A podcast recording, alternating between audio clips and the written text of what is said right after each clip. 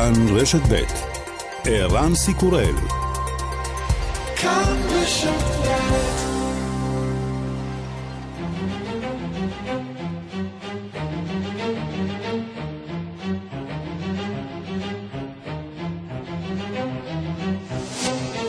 השעה הבינלאומית 18 באוגוסט 2020 והיום בעולם.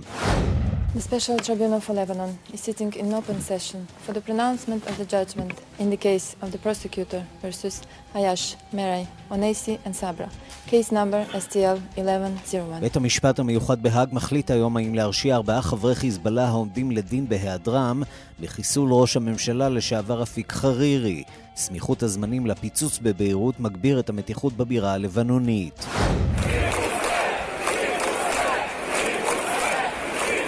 נמשכות המחאות בבירת בלארוס מינסק, הנשיא לוקשנקו מתחיל לדבר על האפשרות לקיים בחירות חוזרות כפוף לשינויים בחוקה. המפגינים דורשים שחרר תחילה את כל העצורים. ועידה דמוקרטית כפי שלא הייתה מעולם ובה ייבחר ג'ו ביידן באופן רשמי למועמד המפלגה לנשיאות. בין התומכים, מי שהיה המועמד הרפובליקני לשעבר לנשיאות מושל אוהיו לשעבר ג'ון קייסי. I'm a lifelong Republican. But that attachment holds second place to my responsibility to my country. That's why I've chosen to appear at this convention. But what we do know is that we can do better than what we've been seeing today, for sure. And I know that Joe Biden, with his experience and his wisdom and his decency, can bring us together to help us find אני רפובליקני ותיק, אבל המחויבות הזאת נמצאת במקום השני לאחריות שלי למדינה שלי, לכן הסכמתי להופיע בוועידה הזאת. אני יודע שאנחנו יכולים לעשות טוב יותר, ואני יודע שג'ו ביידן עם ניסיונו, חוכמתו והגינותו יכול לאחד אותנו ולעזור לנו למצוא דרך חדשה. מכוכבות המופע הווירטואלי מישל אובמה, הגברת הראשונה לשעבר. We have to vote for Joe Biden in numbers that cannot be ignored. Because right now, Folks who know they cannot win fair and square at the ballot box are doing everything they can to stop us from voting. אנחנו חייבים להצביע לג'ו ביידן במספרים שאי אפשר להתעלם מהם, משום שעכשיו אנשים שלא יכולים לנצח באופן הוגן בקלפי, עושים ככל יכולתם לעצור אותנו מלהצביע. הנשיא טראמפ מצידו החל במסעו מעיר לעיר עם מסר ברור. Biden is just a Trojan horse for socialism. He is, he's a Trojan horse. He has no clue, but the people around him are tough. and they're smart, but we disagree with them very, very strongly. They're mean and they're angry, like her. By the way, nobody treated Joe Biden ביידן הוא סוס טרויאני לסוציאליזם, אין לו מושג מזה, האנשים סביבו קשוחים וחכמים, אנחנו לא מסכימים איתם, הם רעים וכועסים כמו קמאלה האריס. אף אחד לא התייחס לביידן גרוע יותר מקמאלה. ה understatement של העשור, אחד מן השוטרים שאחראים לרצח ג'ורג' פלויד שהצית את מהומות הגזע בארצות הברית, אומר בחקירתו I guess, uh, to be, you know, towards, uh, the, uh, uh, the Floyd, uh, you know, when I'm kind of standing off and... ייתכן שהיינו צריכים להקפיד יותר על מצבו של פלויד במהלך המעצר. וגם... היא מרגישה שנפתח לה מזל, פגשה אחד גבר גבר ורז'ל. מגעים ראשונים בין הזמר המצליח עומר אדם לחמד בן חליפה ממשפחת המלוכה, לקראת מפגש ומופע מיוחד והיסטורי באיחוד האמירויות.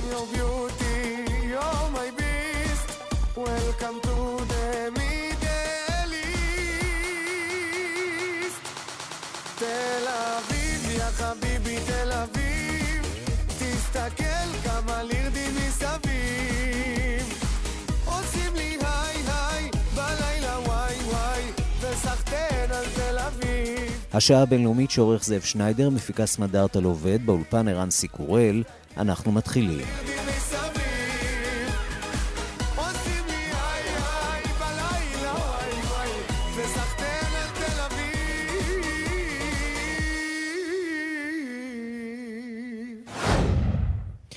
שלום לכולכם ושלום לטכנאי שלנו רומן סורקין. אתמול נפתחה ועידת המפלגה הדמוקרטית, מה שבימים רגילים אמור להיות אירוע הבחירות הגדול ביותר. הצטמצם השנה למפגן וירטואלי של בכירים במפלגה שנואמים אונליין. כוכבת הלילה הראשון של הוועידה הייתה כמובן מישל אובמה, הגברת הראשונה לשעבר, ששילבה מתקפה חריפה על הנשיא טראמפ עם דברי שבח אישיים למועמד הדמוקרטי ג'ו ביידן. אנחנו אומרים שלום לכתבנו בוושינגטון, נתן גוטמן. שלום ערן. בימים שגרתיים אה, היית בוועידה, אה, אבל לא ברור איפה אפשר להיות בדיוק, נכון? כן, בימים רגילים אני ואלפי עיתונאים ועשרות אלפי פעילים דמוקרטיים היינו מתכנסים, השנה זה היה אמור להיות במילווקי, וויסקונסין, לאירוע שהוא באמת הדבר הכי חגיגי שיש, אה, אירוע שהרשתות הגדולות בטלוויזיה מעבירות כמה שעות ממנו מדי ערב בשידור ישיר. אה, ומסביב יש הרבה מפגשים, הרבה פעילות, והכל זה לא קורה. הדמוקרטים הבינו את זה יותר מהר מהרפובליקנים וצמצמו את זה לכלל אה, אירוע וירטואלי כבר לפני כמה חודשים, והרפובליקנים גם כן יעשו בשבוע שעבר, אה, בשבוע הבא, את הכינוס שלהם באופן וירטואלי בלבד. עד כמה זה פוגע בצפייה או בתשומת הלב שהאירוע הזה מצליח לעורר בארצות הברית? בסופו של דבר מדובר באירוע... די ארוך שנמשך אה, ארבעה ימים של עוד ועוד אה, דוברים, בעצם סוג של אה, משדר תעמולה אחד ארוך ברשת, שיכול להיות שלא מתאים לזמנים של היום. זה לגמרי לא מתאים לזמנים של היום, זה איזשהו שריד של פעם שבאמת היו חושפים את המועמדים וחושפים את הציבור למה שקורה במפלגה ומתווכחים על המצע כל הדברים האלה הם ישנים ולא הולמים גם בימים כתיקונם, והיו הרבה דיבורים עוד לפני זה על כך שצריך לשנות את המתכונת של הוועידות האלה. אף אחד לא העז לעשות את זה עד עכשיו, ואולי עכשיו בזכות הקורונה באיזשהו אופן מישהו יחשוב מחדש על הצורך בוועידות הגדולות והיקרות והממושכות האלה. מה שכן, לא בטוח שהרעיון של ועידה וירטואלית, לפחות ממה שראינו פה בלילה, פועל נהדר. הם צמצמו את זה לאירוע משודר של שעתיים בהנחייתה של השחקנית אווה לונגוריה. הם, הם ניסו לשלב שם הרבה קולות של אנשים, של בוחרים, של תומכים. בסופו של דבר זה היה משמים. זה היה שעתיים של שיממון, ואפילו לא באיכות טכנית שהיית מצפה שמפלגה גדולה תעשה. אבל בתוך כל זה, אמ, אולי, אולי רק אמ, מילה על המסרים. לפני כן, אה, בליל הפתיחה ניסו להדגיש כמה מסרים הדמוקרטיים.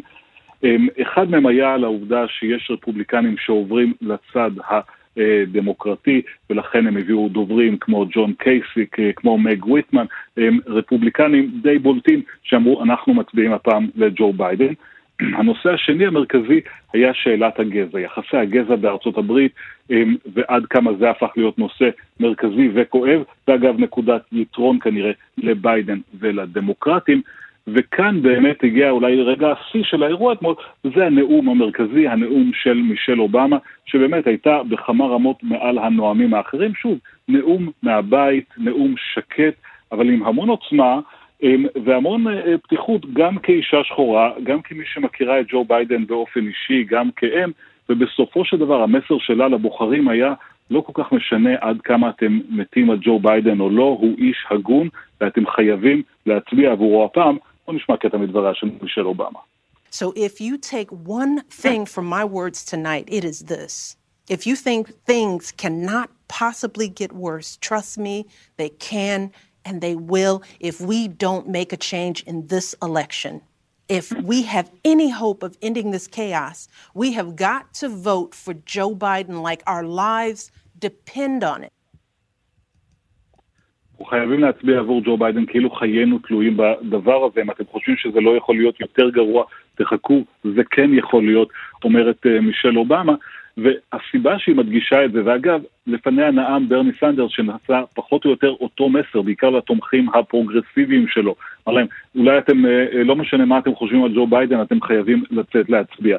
כי החשש של הדמוקרטים בסופו של דבר הוא שהם לא יקבלו את אה, שיעורי ההצבעה שהם רוצים, בגלל שג'ו ביידן לא מצליח להלהיב את הקהל, בגלל שהוא לא מדבר לקהלים הם, הם, הם פרוגרסיביים, ולכן מישל אובמה וברני סנדרס וכולם אומרים להם, אתם חייבים לצאת להצביע, זאת לא תהיה ההתלהבות אולי שהייתה לכם מברק אובמה, ואתם חייבים לצאת ולעשות את זה. כמה מילים נתן אה, גם על הצד הרפובליקני שנערך לוועידה שלו, ובינתיים הנשיא טראמפ מנסה אה, קצת לאזן את תשומת הלב התקשורתית אה, באמצעות ביקורים שלו בכמה ממדינות המידווסט. כן, הנשיא טראמפ בעצם יקדיש את השבוע הזה למסעות בחירות מהצד שלו. הם, הם, אתמול הוא ביקר למשל בוויסקונסין ובמינסוטה, הוא ימשיך לעשות את זה גם היום, גם, גם השבוע, גם סגנו מייק פנס יעשה את זה, כאשר המטרה היא קודם כל קצת באמת לחלוק את אור הזרקורים עם הדמוקרטים השבוע, וגם uh, לתת מענה מהיר. אנחנו יודעים שדונלד טראמפ uh, מאוד חזק וזה מאוד אוהב לעשות את זה, הוא אוהב להגיב ליריבים שלו, אוהב לתקוף אותם מחדש, והאמת היא שבשעה שהם עושים את הוועידה שלהם, משדרים אותה מהסלון בביתם או מהמטבח, הוא יוצא לשטח ועם עם קהל של תומכים שמריעים, הרבה יותר קל לו להעביר את המסר הזה, כאשר המסרים האלה לא חדשים, מתקפה על הכשירות של uh, ג'ו ביידן, שלדעתו של טראמפ אינו כשיר מנטלית להיות uh, נשיא, התקפות על הקו של המפלגה, שלטענתו של טראמפ הופך להיות יותר ויותר סוציאליסטי, וההתקפות על הסגנית החדשה קמאלה האריס.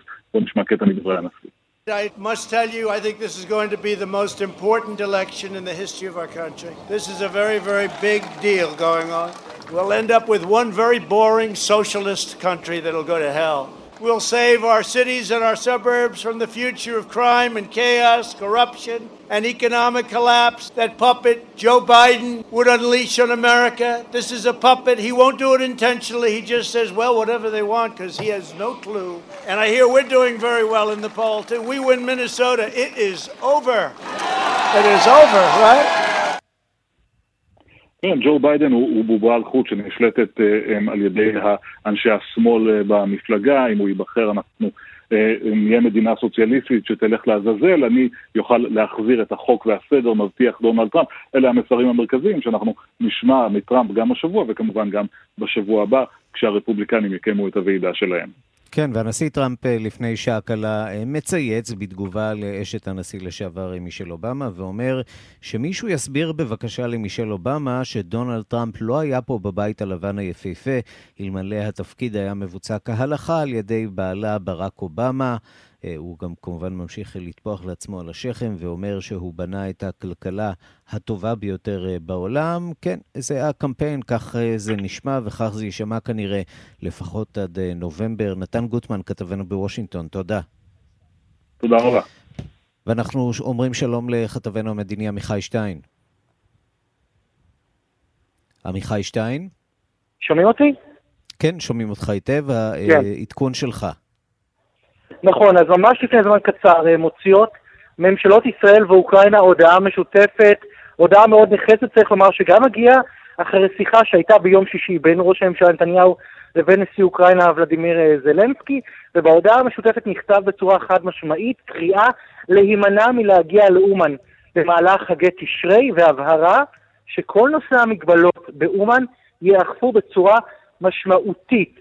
כיום רק צריך לומר, המגבלות ההתקהלות באוקראינה הם עד 50 בני אדם, ולכן ההעברה בהודעה היא שלא תתאפשר את אותן התקהלויות המוניות שאנחנו מכירים משנים עברו, של אותם אה, עשרות אלפים, מדברים על בין 30 אלף ל-50 אלף איש שמגיעים במהלך חגי תשרי, והמטר של שתי הממשלות, לאור המלצות משרד הבריאות, אה, איש איש במדינתו, חד משמעיות, אל תגיעו. לאומן אין פה, צריך לומר, איזו החלטה אה, לעצור טיסות או דברים נוספים, וגם אוקראינה לא אומרת שהיא לא תאפשר כניסה לישראלים, אבל המסר הוא ברור, אנחנו, לפחות מצד ממשלת אוקראינה, אנחנו מתכוונים לדאוג שלא יהיו אירועים המוניים באומן במהלך חגי תשרי. אה, שר הפנים אמר שהמשטרה לדוגמה שוקלת דרכים אה, איך לעשות את האירוע, פרסמנו בעבר שהם שוקלים אולי סגר כללי, אמורה להיות שם אכיפה גם מאוד משמעותית, אבל כאמור הכותרת היא שפרסמנו לפני זמן קצר, ממשלות אוקראינה וישראל במסר משותף, אל תגיעו לאומן במהלך חגי תשרי. עמיחי שטיין, תודה. תודה. כן, אפשר לעשות את חגי תשרי גם כאן בארץ אה, הקודש, גם זאת אה, אפשרות, אפילו אפשרות אה, לא רעה בכלל. אנחנו שווים לעסוק בארצות הברית ואומרים שלום לפרופסור איתן גלבוע. שלום ערן. מומחה לארצות הברית מאוניברסיטת בר אילן. בואו נפתח אולי עם מישל אובמה ומקומה ההולך ומתעצם במחנה הדמוקרטי. אנחנו עדים לכך שלפני כחודש הגברת הראשונה החלה להעלות פודקאסט. היא כתבה גם ספר שהיה מאוד מאוד פופולרי, והיא הופכת יותר ויותר נגישה אה, לציבור. זה כי מה? אה, כי היא מתכננת אולי איזשהו מהלך אה, פוליטי בעוד ארבע שנים? היא מכחישה את זה כל הזמן, אבל אין ספק שהיא פופולרית, היא פופולרית יותר מהנשיא. ולכן מגייסים אותה למשימות של הבחירות עכשיו. הנאום שלה אתמול היה מלאכת מחשבת. אנחנו יודעים ממה שפורסם שעובדים על זה הרבה זמן. היא כתבה אותו בכמה גרסאות. זה מין נאום מהלב כזה, נאום שאמור לרגש את האנשים. והיא אה, מסכימה לפחות עם טראמפ על כך שאלה הבחירות הכי חשובות אולי בהיסטוריה המודרנית של ארה"ב. זה מה שהיא אמרה אתמול. והנה, אבל זה בערך הדבר היחיד שהם מסכימים עליהם. נכון. הדבר היחיד שהם מסכימים עליו, כן. כן, אה, נכון, ולכן הם שיפצו אותה ישר ביום הפתיחה, כי בוועידות כאלה יום הפתיחה ויום הסיום הם הימים החשובים ביותר. ומכיוון שהבחירות השנה הן עצובות, המועמדים חיוורים, אה, טראמפ מצד אחד בעייתי מבחינת האישיות שלו ומבחינת התפקוד, אה, ביידן הוא מאוד חיוור, הוא נראה מאוד מבוגר, יש קיטוב חמור, אין מצב רוח בבחירות האלה, אין אנרגיה, וזה בא לידי ביטוי גם אה, בוועידות של המפלגות. מי שהיה במין ועידה כזאת, לי יצא להיות בוועידה כזאת, היא תמיד צבעונית, דינמית, רעשנית אה, מאוד, זה מין איזה צל חיוור כזה, והוא תואם את האווירה שישנה עכשיו בארצות הברית. בעצם אה, הנשיא טראמפ אה, מזהה פה חולשה מוצדקת אצל ג'ו ביידן, אותו חיוורון שאתה מתאר. עד כמה זה באמת פוגע בג'ו ביידן, העובדה שהוא נתפס כמועמד של אין ברירה של המחנה הדמוקרטי, לא מועמד שבהכרח מעורר ומפיח אה, תקווה. זה לא ברק אובמה שהצליח אה, לקרוא להמונים לצאת לרחובות אה, ולמלא אותם במודעות פופ-ארט שלו.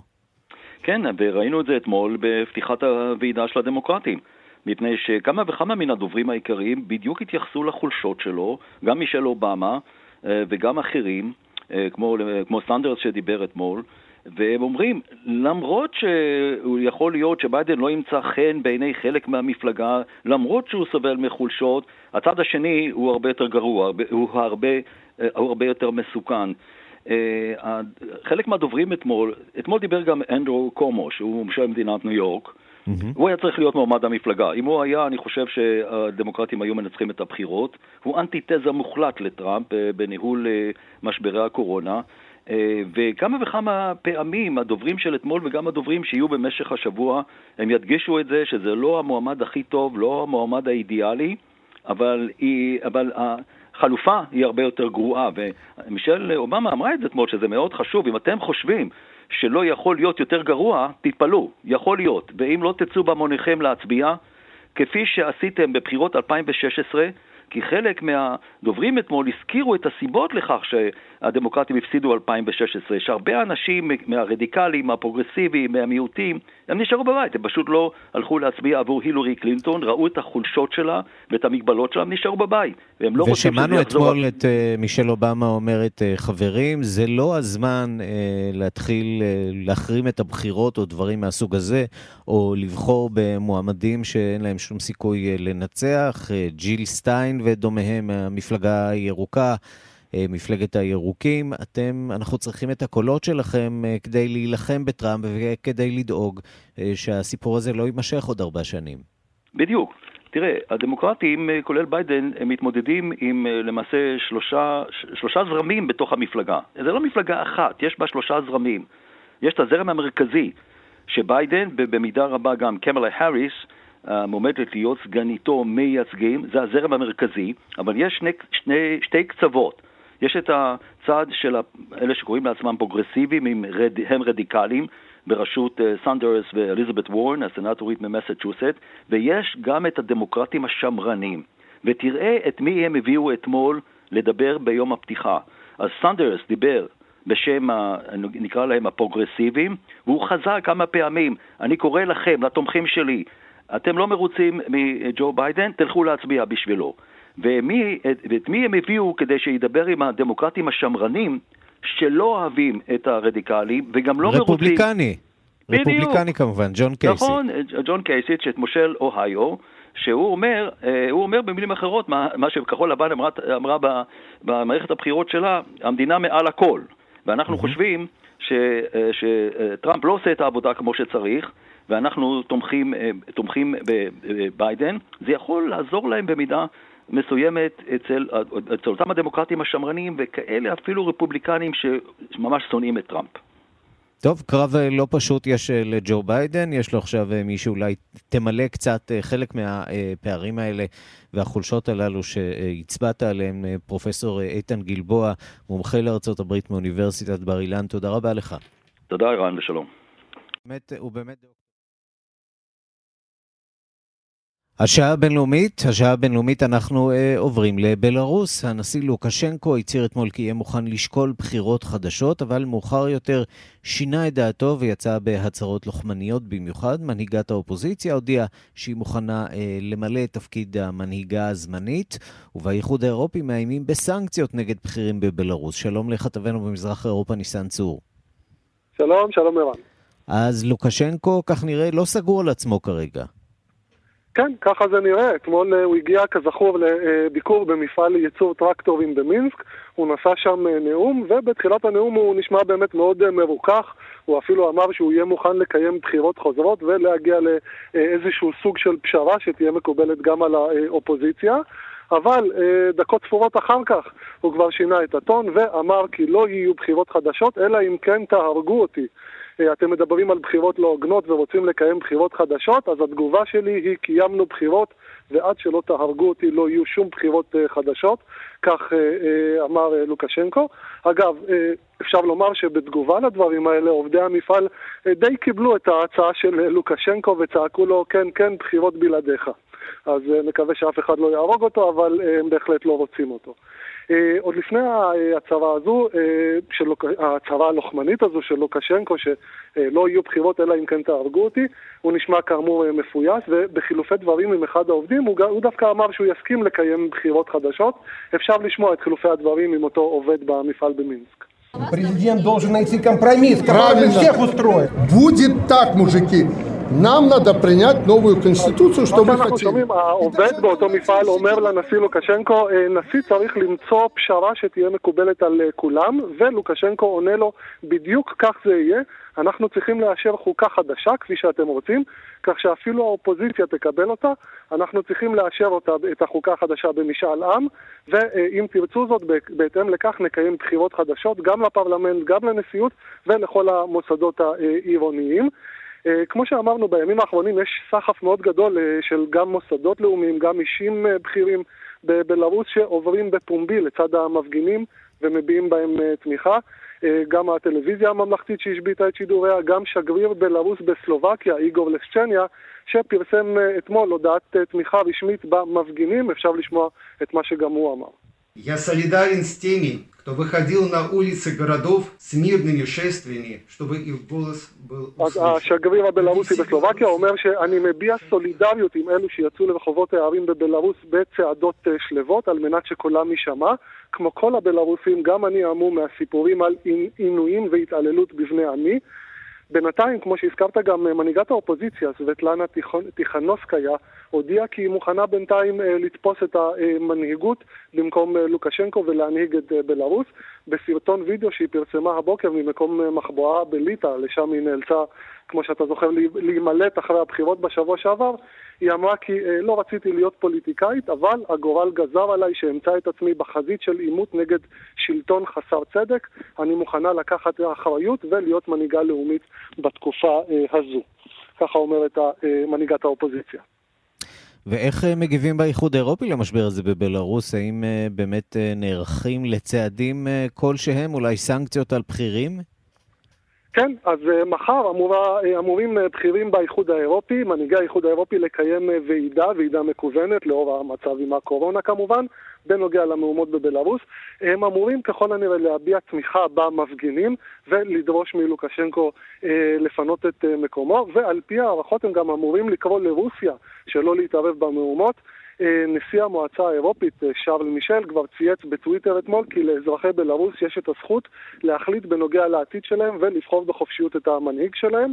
האלימות כלפי מפגינים היא לא מקובלת ואסור לאפשר אותה, וגם אה, שרת החוץ הספרדיה, ארנצ'ה גונזלס, אמרה כי האיחוד האירופי שוקל להטיל סנקציות על אישים בבלרוס שמעורבים באלימות ובהטיית הבחירות. והבוקר עוד התפתחות מעניינת בנושא על המעורבות הרוסית האפשרית מהומות בבלארוס. אז uh, הקרמלין הודיע הבוקר כי בשיחת טלפון עם הקנצלרית uh, מרקל, הנשיא פוטין אמר כי כל ניסיון להתערב בענייניה הפנימיים של בלארוס uh, יהיה בלתי מתקבל על הדעת, וכל ניסיון כזה יוביל להסלמה במשבר הפוליטי בבלארוס. נזכיר רק שאתמול, אה, הדברים של פוטין מגיעים בעקבות העובדה שאתמול נצפו שיירות גדולות של המשמר הלאומי הרוסי, שכפופים ישירות לפוטין, עושות אה, דרכן אה, אל הגבול עם בלרוס, מה שעובר הרבה מאוד שמועות על מעורבות רוסית אפשרית במהומות בבלרוס. ניסן צור, כתבנו במזרח אירופה, תודה. תודה לך, ערן. ושלום לדוקטור אלכס נירנבורג. שלום. כאן דיגיטל, פרשן למרחב הפוסט-סובייטי. נתחיל אולי באמת אה, בשילוב של אה, שתי המומחיויות שלך, אה, גם העולם הדיגיטלי וגם המרחב הפוסט-סובייטי. זאת מהפכה שבמידה רבה מתחוללת ברשתות החברתיות על אפו ועל חמתו של אלכסנדר לוקשנקו. לחלוטין על אפו וחמתו של שליט בלרוס. מאז, זה היום העשירי שבו נמשכות המהומות בעשרות מוקדים ברחבי המדינה. אה, שהמסוגרת למדי הזו. יש דיווחים תדירים על הפסקות ברשתות התקשורת, על קשיים בהעברת המידע בין אה, גורמים פרטיים וגם בין חברות שונות, אבל עדיין המידע זורם והתצלומים הקשים זורמים והשלטון לא מצליח, לא כן, מצליח כן, להסביר את המידע מהתושבים. אם אנחנו עדיין אה, שומעים אותו? כן, אני על הקו. השעה הבינלאומית אנחנו שבים לדוקטור אלכס נירנבורג, שלום לך. שלום, שלום. התחלנו לעסוק באמת אה, בתפקיד של הרשתות החברתיות אה, והאופן שבו הן אה, מתנהלות מול הניסיונות לחסום אותן, ואמרת שהניסיונות האלה בינתיים לא מצליחים או מצליחים באופן חלקי.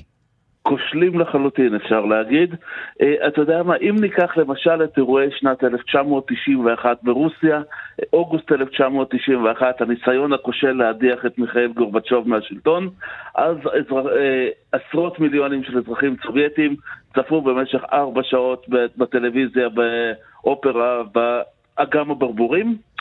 Uh, ולאחר מכן, ולאחר מכן קריין סמכותי דיווח על מה שקרה. אז אה, 30 שנה לאחר מכן המצב הוא הפוך. הרשתות החברתיות הן אלו שמביאות את המידע לאזרחים, אה, והמגישים של הטלוויזיה הממלכתית, אלו שאמורים להיות הקול של לוקשנקו, מתפטרים מתפקידם ועוזבים, ואיך הם מנפקים את זה? אנחנו פשוט לא רוצים להיות בדיחה. לא רוצים להעביר את המסרים המוטעים של השלטון, כשכל אחד שיש לו מחשב פותח את המחשב ורואה שלא כך הם פני הדברים. שמי ש... מייצר את האלימות ברחובות האלו הם השוטרים ולא האזרחים. ולא מדובר בנרטיב של פורעי חוק שמנסים להרוס את המדינה, אלא של אזרחים שאכפת להם, שמנסים לשים קץ לדיקטטורה של רודן, ששולט ללא הפסקה במשך 26 שנה. השאלה עד כמה באמת אה, ללוקשנקו עומדים כרגע הכוחות של הקג"ב, המשטרה החשאית, עד כמה הצבא עומד מאחוריו, כי זה בסופו של דבר מה שיכריע את המהפכה הזאת, האם תהיה לו או לא תהיה לו הגנה. כרגע מדובר על התקוממות של אה, שכבות אה, ציבור רחבות, הצבא, מנגנוני הביטחון אה, וגם הפקידות של המפעלים הגדולים עדיין מתייצבת מאחוריו, אבל מה שצריך להדאיג את לוקשנקו אלו הקולות ששמענו קודם לכן במפעלים. לוקשנקו הוא עיקר, הוא, הוא מגיע מאזור כפרי נידח ומשם אה, אה, הוא שואב את כוחותיו. האיש הפך מיושב ראש של קולחוז לנשיא מדינה בתוך 15 שנה. הכוח שלו מגיע מהעם, מהעם הפשוט. עם האליטה תמיד היו לו יחסים טעונים. ועצם mm-hmm. זה שפועלים במפעל טרקטורים, ופועלים שמייצרים מדי יום אה, גלגלים של אוטובוסים, הם אלו שבאים אליו בטענות ואומרים לו, אדוני, לך הביתה, עם כל הכבוד לך. זה מה שאמור להדאיג את אלכסנדר לוקשנקו. כי אם ההפגנות זה... ילכו... וכל זה כמובן ילכו... מתרחש, כן, אתה יכול להשלים? אני אומר, אני אומר ערן, שאם ההפגנות ילכו ויתעצמו, והצבא יעמוד במצב של האם לראות אש חיה לעבר המפגינים, מאוד יכול להיות שהתסריט המצרי יחזור על עצמו, שראש הצבא יגיע ללוקשנקו ויגיד, אני לא את הפקודה הזאת לא ממלא, אדוני הנשיא, תתפטר. רק שכאן יש לנו אה, עניין נוסף שצריך אה, להתייחס אליו, והוא המקום של בלארוס, גם הגיאוגרפי, הגיאופוליטי, אה, העובדה שהיא בעצם חוצצת אה, בין אה, רוסיה לבין uh, מדינות מערב אירופה, מערב מרכז אירופה, האיחוד האירופי, וכאן השאלה הנשאלת היא, האם הנשיא ולדימיר פוטין מוכן לוותר על בלארוס, מוכן להכיל מהפכה דמוקרטית שראינו כיצד היא הסתיימה באוקראינה, למעשה בסיפוח של חלק מהשטח שלה? אז בנוגע לאפשרות של פלישה רוסית והתערבות צבאית רוסית זו בהחלט אפשרות, אך זה אינו ודאי. אה, אם נשים לב, אז קו אדום או הסדין האדום של ולדימיר פוטין זו המילה נאט"ו. ברגע שמדינה פוסט-סובייטית מצהירה על נכונות להצטרף לנאט"ו, אה, הרי שזה נגמר בפלישה צבאית אה, בשנים האחרונות, אם זו גיאורגיה ב-2008, או אם זו אוקראינה ב-2014. כעת, אבל תשימו לב, שאלכסנדר לוקשנקו או גם האופוזיציה שמתנגדת לו לא מזכירים את המילה הזאת. הם מבינים את כללי המשחק, הם מבינים שאפשרות של פלישה רוסית או טנקים סובייטיים או טנקים רוסים ברחובות מינסק זו אפשרות שאי אפשר לשלול אותה, והם עושים הכל כדי שזה לא יקרה. ולכן הם מדברים, כרגע השיח הוא החלפת המשטר, אה, החלפת השלטון המיידי בבלארוס, ולא על נאמנות לצד זה, כזה או אחר. כלומר, גם שני הצדדים, הן לוקשנקו והן האופוזיציה, יודעים להתנועע כמו לוליינים על הקו הזה של בין מוסקבה לברלין, בין אה, כוחות נאט"ו לבין אה, רוסיה, ועושים הכל כדי שבלרוס תשמור על עצמאותה. דוקטור אלכס נירנבורג, אה, כאן חדשות בדיגיטל, פרשן למרחב הפוסט-סובייטי, תודה רבה על השיחה הזאת. תודה. ואנחנו לתמונת המצב אה, בכל מה שנוגע לקורונה בעולם, כמעט 22 אה, מקרי קורונה ברחבי העולם, 7 מיליון מהם מקרים פעילים, יותר מ-14 מיליון כבר הבריאו מאז תחילת ההתפרצות, אבל המספרים אה, ממשיכים לעלות בעיקר בברזיל, בהודו וכמובן בארצות הברית, שם בחרו המנהיגים בפתיחה מוקדמת יחסית של המשק לפני מיגור המגפה. הדיווח של כתבת חדשות החוץ, נטליה קנבסקי. במדינות אזור האוקיינוס השקט, מדיניות הסגר בשלב המוקדם של המגיפה הייתה נוקשה מאוד, והן פתחו בהדרגה את המשק רק לאחר שנתוני התחלואה ירדו מאוד. כעת האתגר של האזור הזה הוא לשמור על פעילות כלכלית סדירה, למרות ההתפרצויות המקומיות של הנגיף, כפי שהגדיר זאת דוקטור טקשי קסאי, מנהל אזור מערב האוקיינוס השקט בארגון הבריאות העולמי. It is the phase where government will need to deal with the multiple increase or surge, but in the same time in a sustainable way. זהו השלב שבו יצטרכו הממשלות לעמוד מול עליות רבות ומרובות במספר המקרים או התפרצויות, אך בגישה ארוכת הטווח.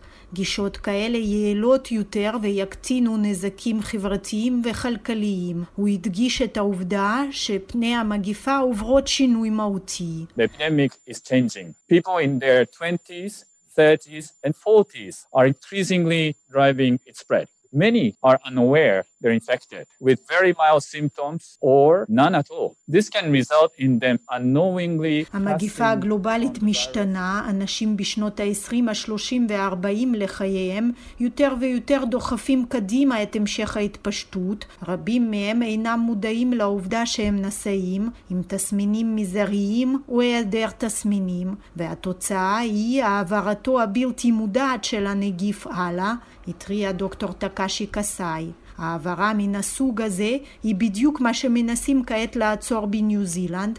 המדינה בת חמישה מיליון אזרחים הייתה הראשונה שהכניעה את התפשטות המגיפה בשטחה וחוותה יותר ממאה ימים בלי אף מקרה הידבקות אחד. לפני שבועות אחדים התגלה מוקד הידבקות באוקלנד, העיר הגדולה בניו זילנד.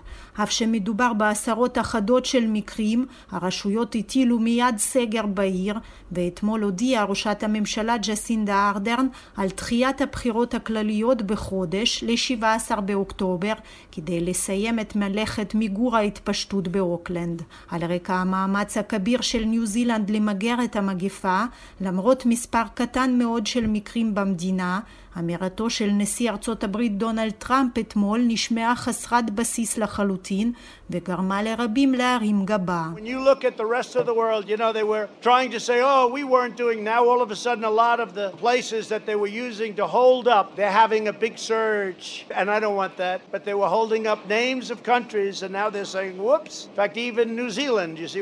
כשמסתכלים על שאר העולם, הם היו אומרים, אה, אנו עושים המון, ועכשיו פתאום במקומות שבהם מיגרו את הנגיף יש שוב התפרצות גדולה, יש המון מדינות כאלה, אופס, אפילו ניו זילנד. אתם רואים מה קורה שם? הם ניצחו את הנגיף. הניצחון הזה היה בכותרות הראשיות, כי הם רצו להראות לי משהו, אך הבעיה היא שעכשיו יש התפרצות גדולה בניו זילנד. זה נורא, איננו רוצים זאת, זהו אויב בלתי נראה שלעולם לא היה צריך לאפשר לסין להביא אותו למדינה הזאת, לאירופה ולשאר העולם. טען דונלד טראמפ, ראשת ממשלת ניו זילנד, לא השאירה את האמירה חסרת הבסיס הזאת בלי תגובה. Obviously, I don't think there's any comparison between New Zealand's current cluster and the tens of thousands of cases that are being seen daily in the United States. Obviously, every country is experiencing its own fight with COVID-19. בוודאות איני חושבת שאפשר לעשות השוואה כלשהי בין מוקד ההתפרצות הנוכחי בניו זילנד לבין עשרות אלפי מקרים שנרשמים מדי יום בארצות הברית. כל מדינה בוודאי מנהלת את מאבקה שלה מול קוביד-19, זהו נגיף ערמומי, אך בוודאי לא הייתי משווה בין המצב בניו זילנד לבין זה בארצות הברית, ורמזה שהנשיא האמריקני לא ממש יודע מה קורה. כל מי שעוקב אחר התפשטות הנגיף בעולם רואה בקלות שתשעת המקרים המאומתים ביום בניו זילנד אינם משתווים לעשרות אלפי מקרים ביום שנרשמים בארצות הברית. Obviously, it's wrong. But again, as I say, those people who are following what's happening around the world will see New Zealand's status. We are still one of the best performing countries in the world when it comes to COVID. גלוי וברור שזה מוטעה, אך אומר שוב, מי שעוקב אחר המצב בעולם יראה מהו מעמדה של ניו זילנד בסוגיה. אנו אחת המדינות המצליחות ביותר בעולם במאבק עם קוביד, ואנו פועלים כדי שכך זה יישאר. חשש גדול באירופה מגל שני של נגיף קורונה, שחזר גם במדינות שבהן שכחה המחלה. לדעת רשויות הבריאות, הוא נובע בעיקר מפריקת עול של צעירים, בעיקר בתקופת חופשת הקיץ, או סתם מחיים שגרתיים כפי שהם. הגבלות נוספות שנכנסו לתוקף נתקלות במחאה של מקצת האזרחים והנופשים. הדיווח של כתבנו בפריז, גדעון קוץ. הדאגה בצרפת גוברת מהעלייה הבלתי פוסקת במספר ההידבקויות בנגיף הקורונה שעבר את 3,493 מקרים ב-24 השעות האחרונות, 384 בטיפול נמרץ, בסך הכל יותר מ-4,000 מאושפזים. הבחנה מעניינת, מרבית הנדבקים החדשים צעירים, רוב המאושפזים הם אנשים בני 30 עד 50. זוהי תוצאה של חוסר זהירות והמסיבות בתקופת חופשת הקיץ, אומרים שלטונות הבריאות.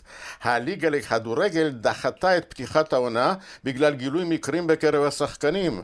רשויות הבריאות כבר הורו על חבישת מסכות גם במקומות פתוחים במרבית מרכזי הערים הגדולות ובשווקים וגם במקומות העבודה, אבל הציבור לא ממהר להישמע.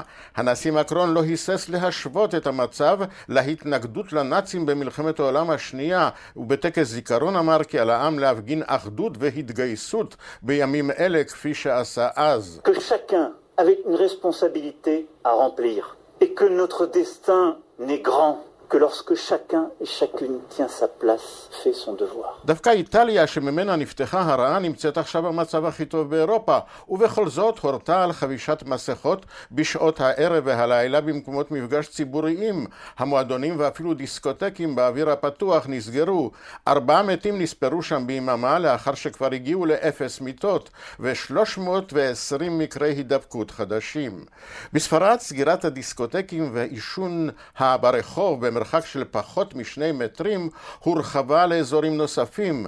שלושת אלפים מפגינים נזעמים התכנסו במרכז מדריד. פרננדו סימון הממונה על המלחמה בקורונה במשרד הבריאות אומר שהתמונות שראה לא מצריכות הרבה פרשנות. Yo creo que no requiere de mucho comentario y que la gente es suficientemente inteligente como para entender lo que son estas manifestaciones, lo que pueden ser... המפגינים פשוט לא מבינים את הסכנה הגדולה שלתוכה הם מכניסים את האזרחים. 60 אלף מקרים חדשים בשבועיים, אלף איש שאושפזו בשבוע האחרון ו-54 מתים מטלטלים שוב את ספרד ואירופה שביקשו למצוא מפלט בחופשת הקיץ. כאן גדעון קרוץ מפריז.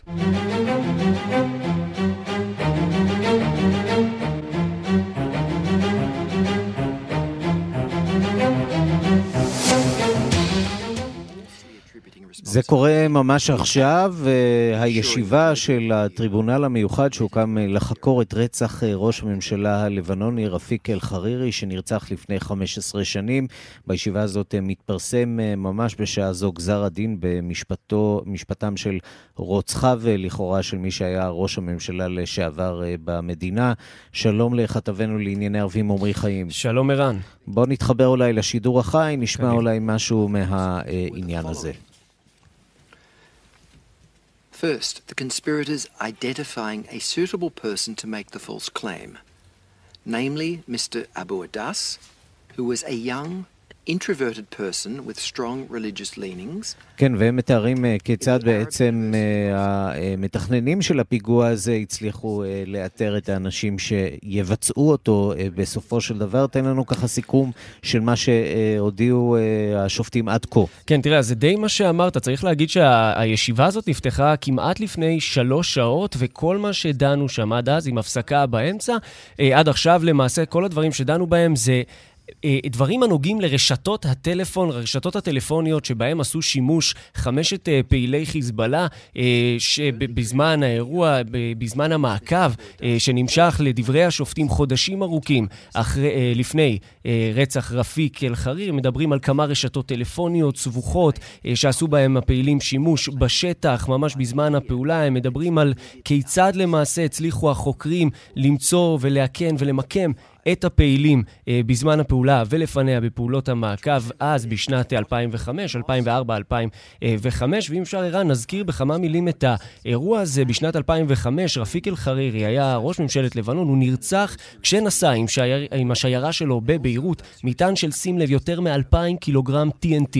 מופעל לעבר השיירה שלו, הוא מת לצד 21 אנשים נוספים, בהם שומרי ראשו ושר לשעבר בממשלה, ושים לב, 226 בני אדם נפצעים באירוע הזה. בשנת 2011 פורסם כבר כתב אישום נגד ארבעה מאנשי חיזבאללה סביב התקרית, ב-2013 פורסם כתב אישום נגד איש נוסף בארגון, ואנחנו יודעים שארגון חיזבאללה מצידו לא מכיר כלל בכלל בטריבונל הזה. רק בסוף השבוע האחרון שמענו את מנהיג הארגון חסן נסראללה אומר שכל החלטה שיקבל הטריבונל מבחינתו כאילו לא תתקבל בכלל, וכמו שאמרנו, הדיון הזה מתנהל כבר שעתיים, במהלכו מקריאים השופטים את ההאשמות, את ממצאי החקירה.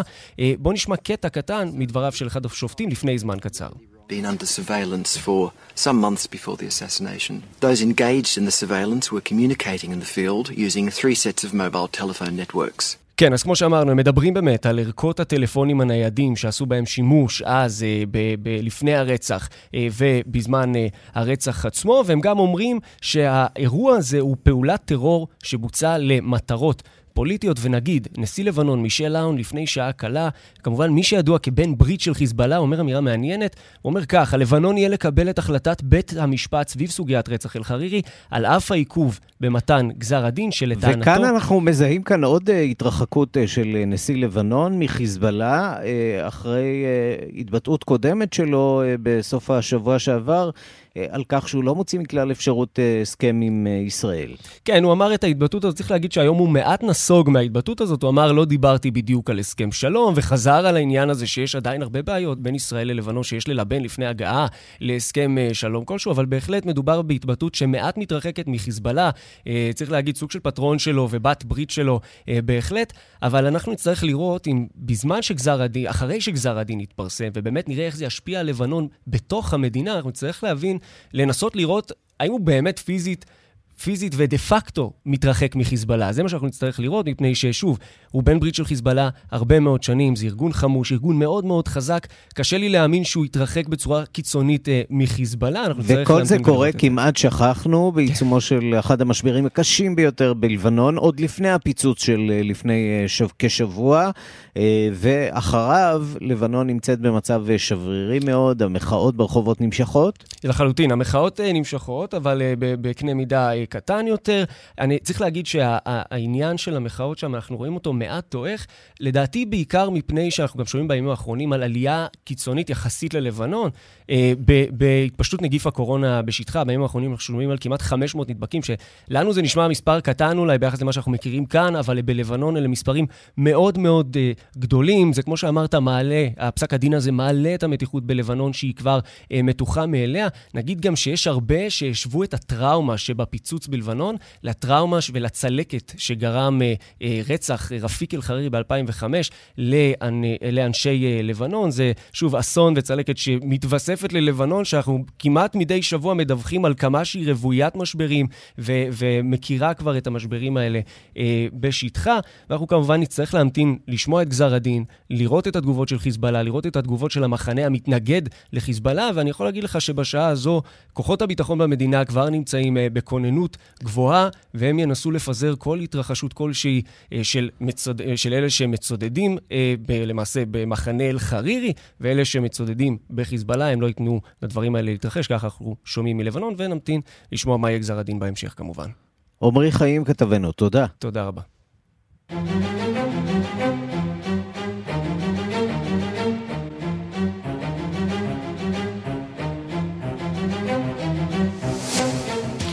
עד כאן השעה הבינלאומית, מהדורת יום שלישי, העורך הוא זאב שניידר, המפיקות סמדארטה לובד ואורית שולץ, הטכנאים רומן סורקין ושמעון דוקרקר, אני רנסי קורל, אחרינו רגעי קסם עם גדי לבנה, אנחנו נפגשים שוב מחר בשתיים בצהריים עם עוד מהדורה של השעה הבינלאומית, ועד אז אפשר ליצור איתנו קשר באמצעות uh, כתובת הדואר האלקטרוני שלנו, בינלאומית את כאן.org.il, המשך יום מצוין.